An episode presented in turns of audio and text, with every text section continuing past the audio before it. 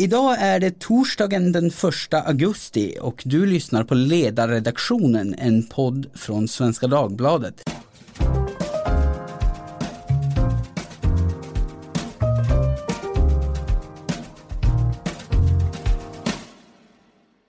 Jag heter Jesper Sandström och idag ska vi prata om huruvida fallet ASAP Rocky är symptomatiskt för en förtroendeproblematik inom det svenska rättsväsendet. Med oss för att diskutera ämnet så har vi Jakob Heidbrink, eh, docent i civilrätt vid Göteborgs universitet och Viktor Banke, försvarsadvokat. Hej hej! Hej hej! Hej hej! Ja, där har vi er båda två. Eh, Jakob, du medverkar på länk från vårt östra grannland. Eh, och Viktor, du är med oss på plats här i studion i Stockholm. Yes.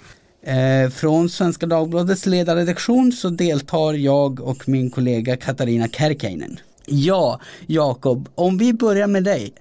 Eh, din medverkan i den här podden tar sin utgångspunkt i en uppmärksammad analys du publicerade online där du hävdar att det finns saker rättsväsendet behöver göra för att återskapa förtroende hos allmänheten. Fyra systematiska problem som kommer till uttryck i fallet ASAP Rocky. Eh, är det korrekt sammanfattat? Alltså jag skulle, ja, det är i princip korrekt eh, sammanfattat. Jag skulle vilja nyansera det. Jag skulle inte säga att eh, de här sakerna kommer till uttryck i fallet ASAP Rocky, utan att ASAP Rocky har blivit en olyckligt vald symbol för, för fyra saker som nu dansat runt i den offentliga debatten ganska länge och som rättsväsendet i sin helhet plus politiken så småningom behöver ta tag i för att annars så går det illa tror jag. Ja, eh, jag förstår. Och här kanske jag också ska fråga Viktor, eh, håller du med om att rättsväsendet har problem med förtroendet och att det är problem som de behöver komma till rätta med? Om du ger ett kort svar och så tittar vi sen lite närmare på Jakobs punkter och diskuterar dem. Jag är advokat, jag kan inte ge korta svar. Nej, men försök. Men eh, ja, är väl mitt korta svar i så fall att det, det finns problem, ja, eh, jag kanske inte håller med helt och hållet men vi lär väl återkomma till det. Ja, ja vi, vi gör det. För att eh, i de här fyra punkterna du tar upp Jakob så inleder du med att prata om att det saknas rätt att freda sig med fysiska medel medan människor som utsätter andra för trakasserier samtidigt skyddas. Kan du förklara lite mer vad du menar med det? Ja, alltså nu återigen en liten nyansering. Jag säger att det finns en upplevelse av detta. Och med tanke på att jag här är lite ute på hal is, Viktor är försvarsadvokat och kan straffrätten långt mycket bättre än vad jag kan, så talar jag om den debatt som jag får ta del av ehm, som inte är inom egentligen straffrätten utan utanför. Och intrycket är väl att den som som trakasserar förefaller väldigt ofta kunna ha den övre handen. Alltså det är ju inte med bara ASAP Rocky uh, eh, och de provokationer som, som förefaller ha ägt rum då före det, det, det som ASAP Rocky är åtalad för. Utan det handlar också om lärare som inte verkar, eller där det tog lång tid att få rättsväsendet att inse att man ibland måste lyfta ut en elev som stretar emot också med fysisk kraft. Um, och där bedömningen hela tiden ligger på den som försöker freda sig och så fort man kommer utanför detta och inte varit helt panikslagen så är man bortom nödvärnsrätten och uh, måste räkna med att åtalas eller kanske till och med fällas för misshandel um, eller, eller andra brott av olika slag och dignitet. Och där är Alltså intrycket är väldigt, väldigt eh, svårt att undvika att nödvärnsrätten är väldigt snävt tilltagen. Och att den som försöker att liksom freda sig själv, freda de sina, sin egendom, sin, sin sfär, hela tiden har förklaringsbördan. Och den som trakasserat och stört och inkräktat på ett område eller en privat sfär kan i princip stå bredvid, flina för sig själv och låta, låta den som trakasserat sköta hela, hela jobbet. Oavsett om detta är riktigt eller inte så är detta det intryck som väldigt många har. Och det är ett problem för rättsväsendet att detta intryck finns så allmänt. Eh, ja, jag förstår. För att man får ju väl säga att det är lite tillspetsat att säga att det saknas rätt att freda sig med fysiska medel. För att eh, nöd, nödvärnsrätten är ju menad att, att, att, ge oss den rätten. Men, men du menar att den, den är så pass kraftigt inskränkt så att den, den blir i... Alltså i nödvärnsrätten finns ju en, en väldigt strikt proportionalitetsbedömning. Eh, där man i princip får svara med samma mynt. Eh, det, det, den grundregel som jag har uppfattat, Viktor får rätta mig om jag missuppfattat detta. Men min uppfattning är, är att man får svara med ungefär samma mynt äh, mot det som man utsatts för. Och har man utsatts för ett ofredande så får man, får man kanske förolämpa eller själv ofreda eller vad man nu får göra. Men kanske möjligen knuffa, men att verkligen rycka bort någon, att freda sin sfär förefaller också för mig som inte är juridisk men väl straffrättslig lekman eh, vara bortom det som tydligen är tillåtet. Och redan det intrycket är i så fall ett problem. Ja, eh, ja jag förstår. Och eh, Viktor, om du ger din syn på saken. Ja, jag ska försöka vara kortfattad. Det här är ju en ganska stor fråga egentligen som ja. rymmer lite olika saker. Men om, med, om man börjar med nödvärnsrätten som Jakob är inne på. Det är ju helt riktigt att utgångspunkten är att det ska finnas en proportionalitet mellan det angrepp som sker och det motvåld eller den, det man gör tillbaka mm. helt enkelt. Men av rättviseskäl så har faktiskt lagstiftaren tänkt på det här också, att, att den som blir angripen ska ha en viss buffert för att överreagera eftersom det är inte den som blir angripen, det är inte den personen man kan klandra för det som sker. Så att det, motvåld får ju vara oförsvarligt. Det är bufferten. Det får dock inte vara uppenbart oförsvarligt. Så att eh, lite grann får man överreagera om man tittar bara på nödvärnsrätten. Men sen så kan jag flika in också en egen åsikt och det är att det här kanske inte är just nödvärnsrätten man ska reglera. Eh, jag tycker i och för sig att nödvärnsrätten har vissa problem, till exempel att det är ett väldigt otydligt rättsläge. Olika överrättsdomar är inte i linje med varandra och så vidare. Men eh, det finns ju en annan ansvars, ansvarsfrihetsgrund som kallas social adekvans. Eh, det vill säga att det finns vissa saker som helt enkelt är orimligt att de är kriminaliserade. Det kan till exempel vara när föräldrar måste fysiskt lyfta bort sina barn eller på något sätt eh, tillrättavisa sina barn med, med händer vad det nu kan vara. Och lite andra situationer, vi har ju sport också, idrott. Det är också social adekvans, det blir inte ett misshandelsfall till exempel när man boxar. Så det kan ju också angripas med en helt annan diskussion än just nödvärnsrätten. Eh, sen så tror jag också att det är så att jag och Jakob kanske rör oss i lite olika sfärer, om man får säga så, lite olika debatter och tar lite olika intryck. Och mitt intryck är kanske inte att, att det finns ett allmänt missnöje eh, med just begränsningen av, av rätten att freda sig. Och jag tror också, eller jag vill höja ett varningens finger för att man skulle börja tillåta olika former av fysiska repressalier. Jag tror att det är en ganska farlig väg att gå. Däremot så håller jag med om att det är ett problem att det är så lätt att trakassera folk i vårt samhälle. Eh, det är, så lätt, det är lätt att trakassera folk, det är lätt att förfölja folk, det är lätt att förfölja folk online, det är lätt att besöka folk i deras hem. I det öppna samhälle vi har så är det ett väldigt stort problem som det är väldigt svårt att lagföra. Det blir korta fängelsestraff, kommer du ut kan du påbörja det igen medan målsägandena får sina liv väldigt eh, kringskurna och det är ett stort problem.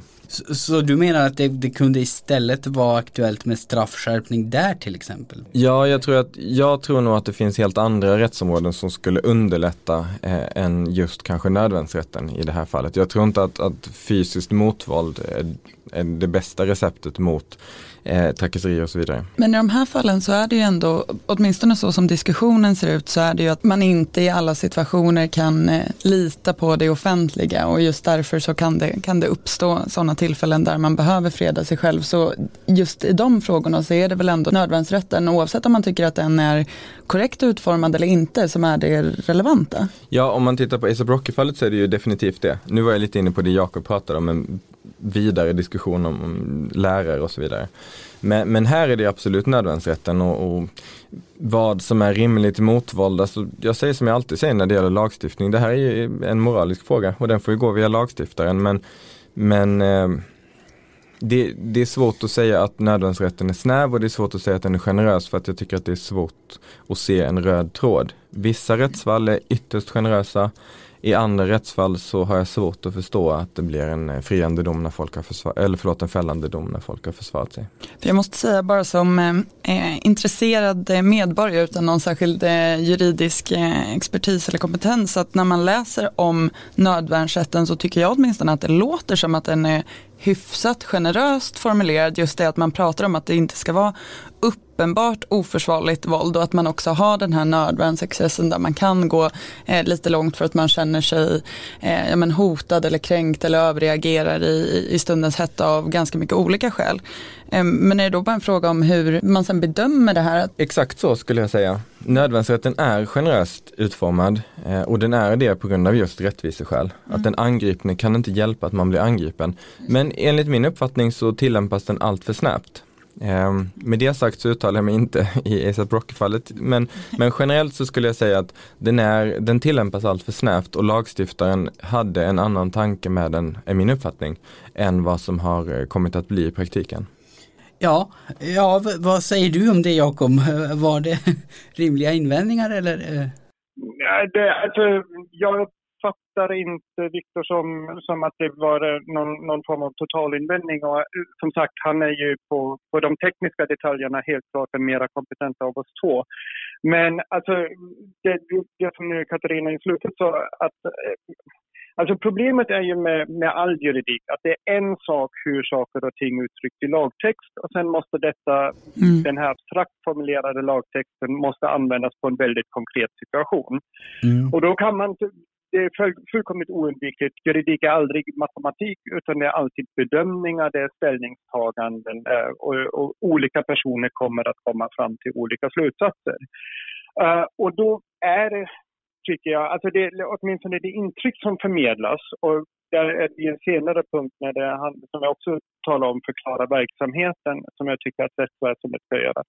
Men, men när, det, när det intryck som förmedlas uh, av nödvärnsrätten är att den ser rätt generös ut i lagtexten, ja, men de fall som kommer upp till ytan, där förefaller bedömningarna vara emellanåt fruktansvärt hårda. Och det även för mig som juridisk, juridiskt kunnig i princip om än inte straffrättsexpert. Och jag har nog alltid tyckt att oj då, det här var nog ganska snävt och ganska, ganska strängt äh, mot den som, som blev angripen. Så att, eh, och där uppfattar jag som att Vickers problem är mer att man inte vet var gränsen går men att han håller med om att i vissa fall ser det väldigt snävt ut och är inte i linje med lagstiftarens, lagstiftarens intentioner och då är vi egentligen eniga på den punkten, som jag uppfattar det. Ja, ja men så trevligt. En intressant diskussion. Eh, om vi då går vidare till eh, nästa punkt, eller det är väl egentligen två punkter som lite grann går in i varandra, Jakob. För att eh, du säger ju först det att eh, polisens prioriteringar är svårbegripliga och sedan att rättsväsendet behöver bli bättre på att förklara sin verksamhet. Och som exempel så ger du det att systematiska brott som till exempel bedrägerier i Stockholm läggs på hög medan icke-systematiska fall som till exempel brott mot dansförbudet eh, utreds och leder till åtal. Eh, kan du förklara lite mer var, varför du tycker det här är så problematiskt och kanske vad man skulle kunna göra åt det?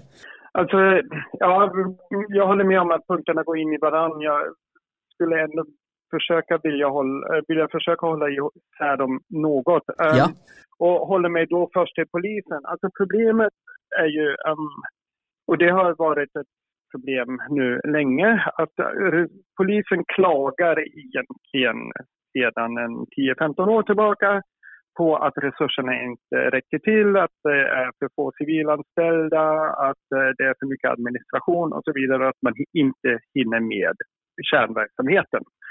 Och det har lett till både att eh, Visserligen veterligen så har ju polisen i Stockholm gått ut med och sagt att vissa bedrägeribrott kommer vi inte utreda för att det är sådana mängder att vi inte hinner med detta. Ehm, det finns numera väldigt många berättelser och jag är medveten om att berättelser inte är statistik men blir det tillräckligt många berättelser så blir även en stor mängd berättelser så småningom någon form av statistik att eh, när lägenhetsinbrott, även när det finns övervakningsfilmer, inte utreds, att, det liksom, att folk känner sig frustrerade. Vi kommer inte fram. Det tar länge att komma fram på 112 till och med, 114, 114 ännu längre. Och sen plötsligt sker det väldigt snabbt och väldigt kraftigt ett ingripande för att det är, och då, då blir intrycket nästan med nödvändighet att ja, nu är det Assange eller det är ASAP Rocky eller något annat högprofilfall eller någonting som är väldigt lätt att utreda, dansförbud. När plötsligt, eh, när plötsligt krögare får problem för att deras gäster har dansat och det inte har förhindrats hur nu det ska kunna ske. Um, och då, då, då, då, då har också jag svårt att förstå varför stora mängdbrott som träffar många personer som kanske är jobbiga, varför de läggs på hög eller förundersökningen läggs ned med vändande post. Och sen ett dansförbud där det inte finns något offer. Alltså det är ett brott enligt svensk lagstiftning är jag helt med om. Men det finns inget offer. Det finns förmodligen ganska få personer som är verkligen upprörda. Ja. Varför lägger man inte ner ett sånt brott och tar istället resurserna och investerar i någonting annat? Och då där blir polisen helt enkelt svår att begripa. Alltså om ja. det nu saknas resurser, använd de begränsade resurserna på det som träffar många människor i vardagen istället för att jaga krögare eller för att lägga ner hyggligt stora resurser på att sätta dit en kändis. Ja. Ja. För att lite tillspetsat uttrycka det. Ja, precis. Det, det, är ju lätt att förstå hur, hur, det här, hur den här upplevelsen kan påverka eh, förtroendet hos allmänheten. Nu har Viktor en invändning här, ser jag. Nu har Viktor en invändning. eh, jag, har eller jag har ju hört den här invändningen om att, att man lägger stora resurser på ASAP Rocky-fallet ganska många gånger nu. Mm, mm. Jag vill bara säga att min, min uppfattning är inte att man har lagt så otroligt stora resurser på ASAP Rocky-fallet i förhållande till andra fall. Eh, hade det varit ett annat fall eh, med grov misshandel och en helt okänd eller helt okända parter där det hade funnits filmer och så vidare eh, så hade det också liksom gjorts en snabb utredning och det hade skett häkta, häktningar om det var utländska medborgare och så vidare. Jag upplever liksom inte att det är någon natt och dagskillnad. Däremot så håller jag med väldigt mycket annat av det Jakob säger. Alltså sådana här till exempel offerlösa brott, att, att eller? Alltså men det är en komplex fråga också för man vill liksom inte att polisen ska med godtycke välja att lägga ner vissa saker för, alltså, för att de har ju en skyldighet att följa lagen. Ja, ja precis. Så att det, man vill ju liksom inte heller ha en situation där de själva bestämmer på något tjänsterum att det här lägger vi ner för Nej. vi har inte tid. Men samtidigt är det ju så att man lever i en praktisk verklighet och ja. har du resursbrist, då måste du välja. Ja, precis. Det blir ju det att om, om några fall, eller om, om det kommer vara något fall som läggs ner på grund av resursbrist, då kan man ju tycka att det bör finnas någon slags prioriteringsordning där. Man prioriterar ju grova brott, det gör man ju. Sen, kan man, sen är väl kanske snarare frågan vilka övriga brott man ska prioritera.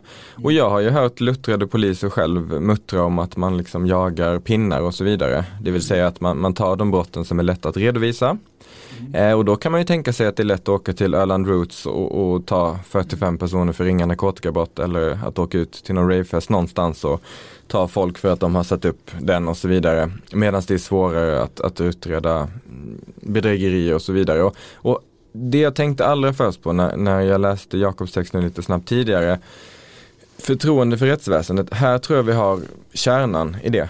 Alltså brott måste utredas. Och det här upplever jag eh, att vi inte pratar riktigt eh, tillräckligt mycket om. Eh, det här ser jag hela tiden och det är långt ifrån bara bedrägeribrott. Det kan vara våldtäktsbrott och andra väldigt allvarliga brott som man utreder först efter lång tid. Eh, det är målsägande och misstänkta som får vänta väldigt, väldigt lång tid på att få sina brott utredda. Mm. Och till sist är det så att utreder du inte ett brott snabbt då, då minskar ju all bevisning eh, i, ja. i dess värde och då, det gör ju också att uppklarningsprocenten minskar.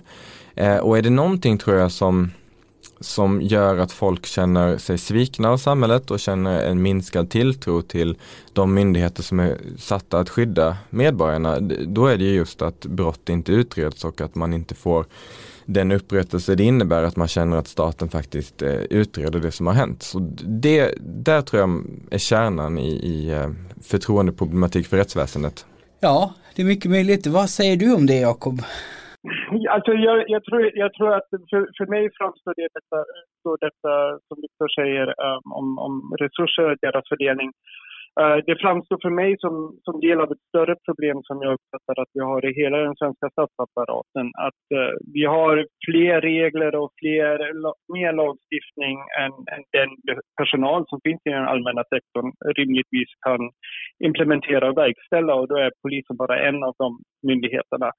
Och då är det så, och det, det tycker jag är ganska viktigt, alltså när vi nu är, vilket Viktor också var inne i, jag håller helt med honom om att brott ska utredas och egentligen vore det önskvärt att alla anmälningar om brott an utreds omgående och grundligt och sen leder till fram, fram till ett motiverat beslut. Mm. Men alltså de facto så går ju polisen ut och säger som i Stockholm att liksom, amen, bedrägerier upp till 5 000 kronor hinner vi inte med. Det är för litet för att vi måste prioritera resurserna. Och det har jag all förståelse för, men prioritera då på ett sådant sätt och, och, då är liksom, det är kanske inte nödvändigtvis polisen som, som är anledningen, men då måste polisen kunna peka på den som står bakom att här är våra pinnar. Det är det som vi måste göra för att försörjas med pengar. Um, mm. Och då jagar vi de här pinnarna för att de är enkla att få. Alltså, på något sätt, man vet inte ens var ansvaret egentligen ligger. Ligger ansvaret inom Polismyndigheten eller i den politiska sfären? Eller vem ska vi klaga på ja. medborgare när vi inte upplever att det fungerar. Precis, så man, man kan sammanfatta det lite som att oavsett var problematiken nu ligger så är det viktigt att den förklaras och liksom begripliggörs för, för medborgarna. Ja. Ja, ja precis. Ja. ja. men jättebra. Om vi då går vidare till din sista punkt lite, lite kort, om det nu går att avhandla den lite. Eller, eller om, vi, om, vi kan ta, om vi kan ta den här punkten förklara verksamheten i rättsväsendet mera, för att den tycker jag är rätt viktig. Ja, ja li, lite um, kort. Ja, jajamän. Ja, jag ska försöka fatta mig så kort som möjligt. Mm. Där tycker jag att, alltså jag har förståelse för den gamla traditionella svenska inställningen att, att domare och åklagare inte ska ses i offentligheten och egentligen bara vara verksamma. Mm. Men jag har mer och mer en upplevelse om att folk förstår inte vad domstolarna gör. Folk fattar inte hur juridiken fungerar. Och med tanke på det allt mer transparenta samhälle som vi har fått i och med sociala medier, där mm, både transparens och ryktesspridning går mycket, mycket snabbare och går mycket, mycket längre än tidigare. Mm. Så tror jag att även domare och även advokater måste upplysa om det är det här vi gör. Detta ligger till grund för vår bedömning. Ja. Och inte bara låta domskäl eller beslutsmotivering tala för sig själva. För att det blir så mycket att ingen förstår principerna längre bakom det, förutom utbildade jurister och det är, det är farligt enligt min mening. Ja, precis. Eh, Viktor, håller du med om att det är ett problem? Skulle det kunna lösas genom att eh, rättsväsendets aktörer tar en mer aktiv roll? Jag håller med om att det är ett problem eh, och jag ägnar jättemycket tid åt att prata juridik eh, inför allmänhet och att mm. diskutera det här och det gör ju också en del domare ska jag säga, åklagare och sådär i sociala medier. Men ja. jag, jag, är helt med Jakob här eh, och jag märker ju också alltså den upprördhet och, och det oförstående inför varför vissa saker har blivit som det blivit eh, som, mm. jag, som man ofta kan se och personligen blir inte jag alls upprörd. Eh, eh, och, och ehm, jag brukar tänka ibland på, det var väl Hjalmar Söderberg som sa att vissa saker krävs en fackman för att inte förstå. Det är ungefär så jag ser på den här upprördheten. Men samtidigt förstår jag ju att här finns ju någonting som behöver begripliggöras. Ja. Ehm, och absolut att, att man behöver vara mer närvarande. Sen tror jag kanske inte att det här är en upprördhet som kommer försvinna för att jag upplever också att många ser kanske upprördheten som ett egenvärde, att det finns något man vill klaga på eller som man är missnöjd med i ett större perspektiv.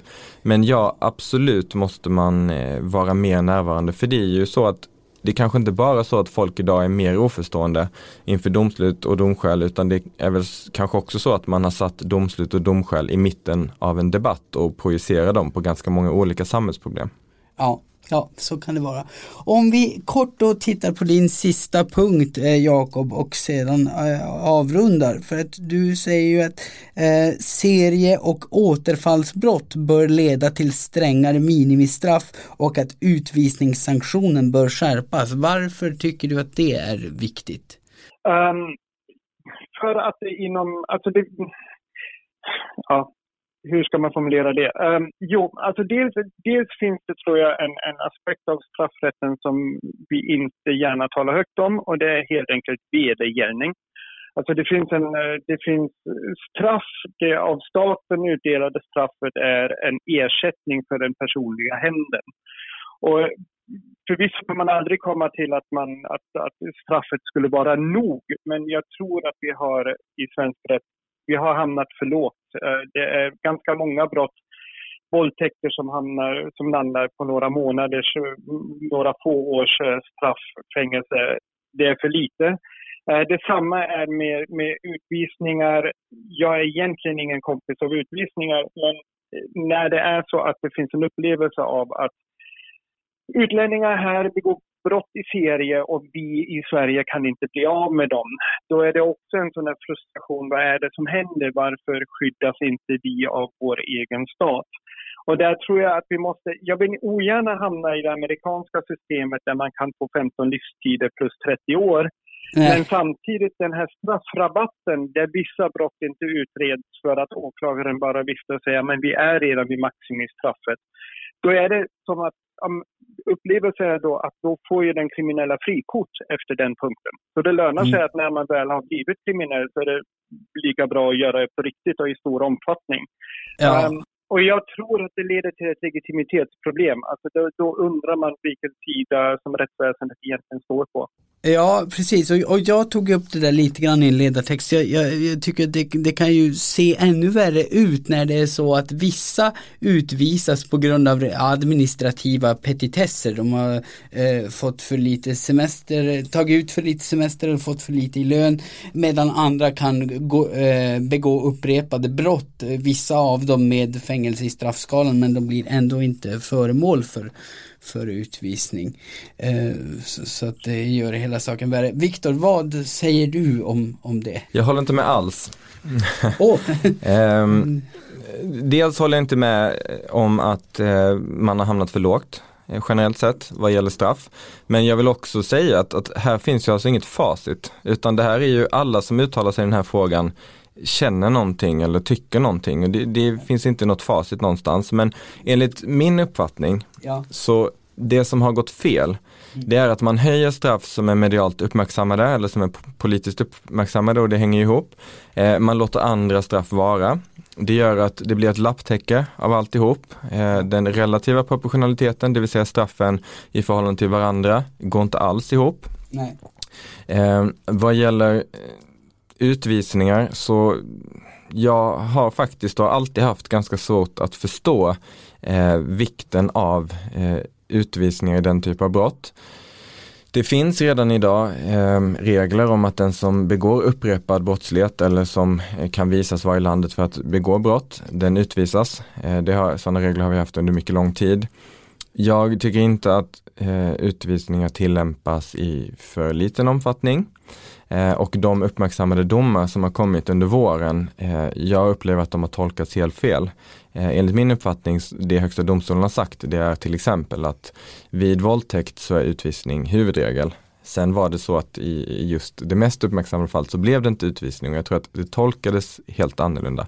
Med det sagt så är jag fullt medveten om att jag inte har er eller de politiska partierna eller särskilt många andra tror jag på min sida. Men, men det är min uppfattning inifrån rättsväsendet i alla fall. Ja, men där är, det är ett sånt fall av att oavsett hur man eh, ser på sakfrågan så är det uppenbart att Eh, rättsväsendet skulle behöva vara ute väldigt mycket mer i den offentliga debatten därför att man ser hur eh, väldigt många jämför eh, olika fall av likartad natur och drar ganska enkla slutsatser av att varför blir den här mm. personen behandlad på det här mm. sättet och den här mm. personen behandlad på det här sättet där det skulle behövas mer insatser av att ja. kanske försöka reda ut vad det egentligen är som ligger eh, till grund för besluten. Eh, ja, precis, för att om, om, om det nu är så att, att det, alltså, våra lagar ser ut ungefär som de borde se ut, att vi utvisar i tillräcklig utsträckning och att det är någorlunda rättvist och proportionerligt och så här, då är det ju ett problem i sig om, om allmänheten inte förstår det, om det finns starka strömningar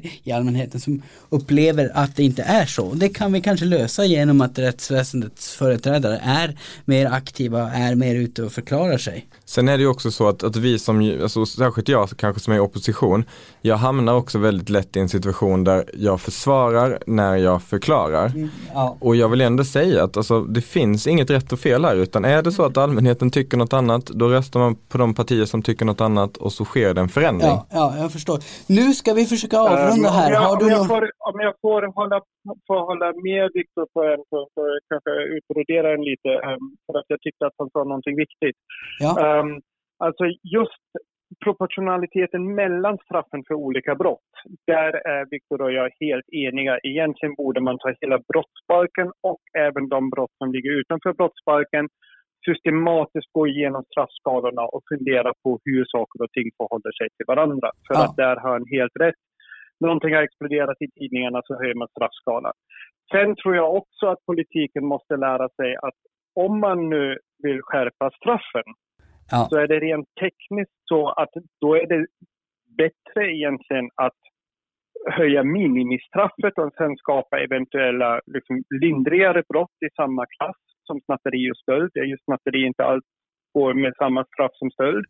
Um, än att hela tiden höja toppnivån som om det skulle hjälpa någonting. Alltså liksom domstolarna, den som någonsin har suttit i situationen att behöva döma någon, och jag har själv varit där, man är inte särskilt benägen att döma, döma ut högststraffet uh, av en massa olika anledningar. Ja. Så att det, detta är verkligen någonting som politiken enligt min mening måste ta tag i för att mm. detta är ett kaos och en djungel som blir allt svårare att förklara hur det här egentligen har skett. Ja, men jättebra. Eh, jag får tacka så mycket för en väldigt gentlemannamässig och intressant debatt mellan er två.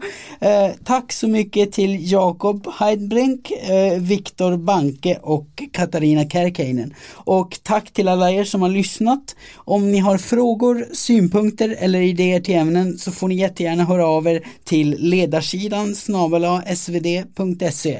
Hej då!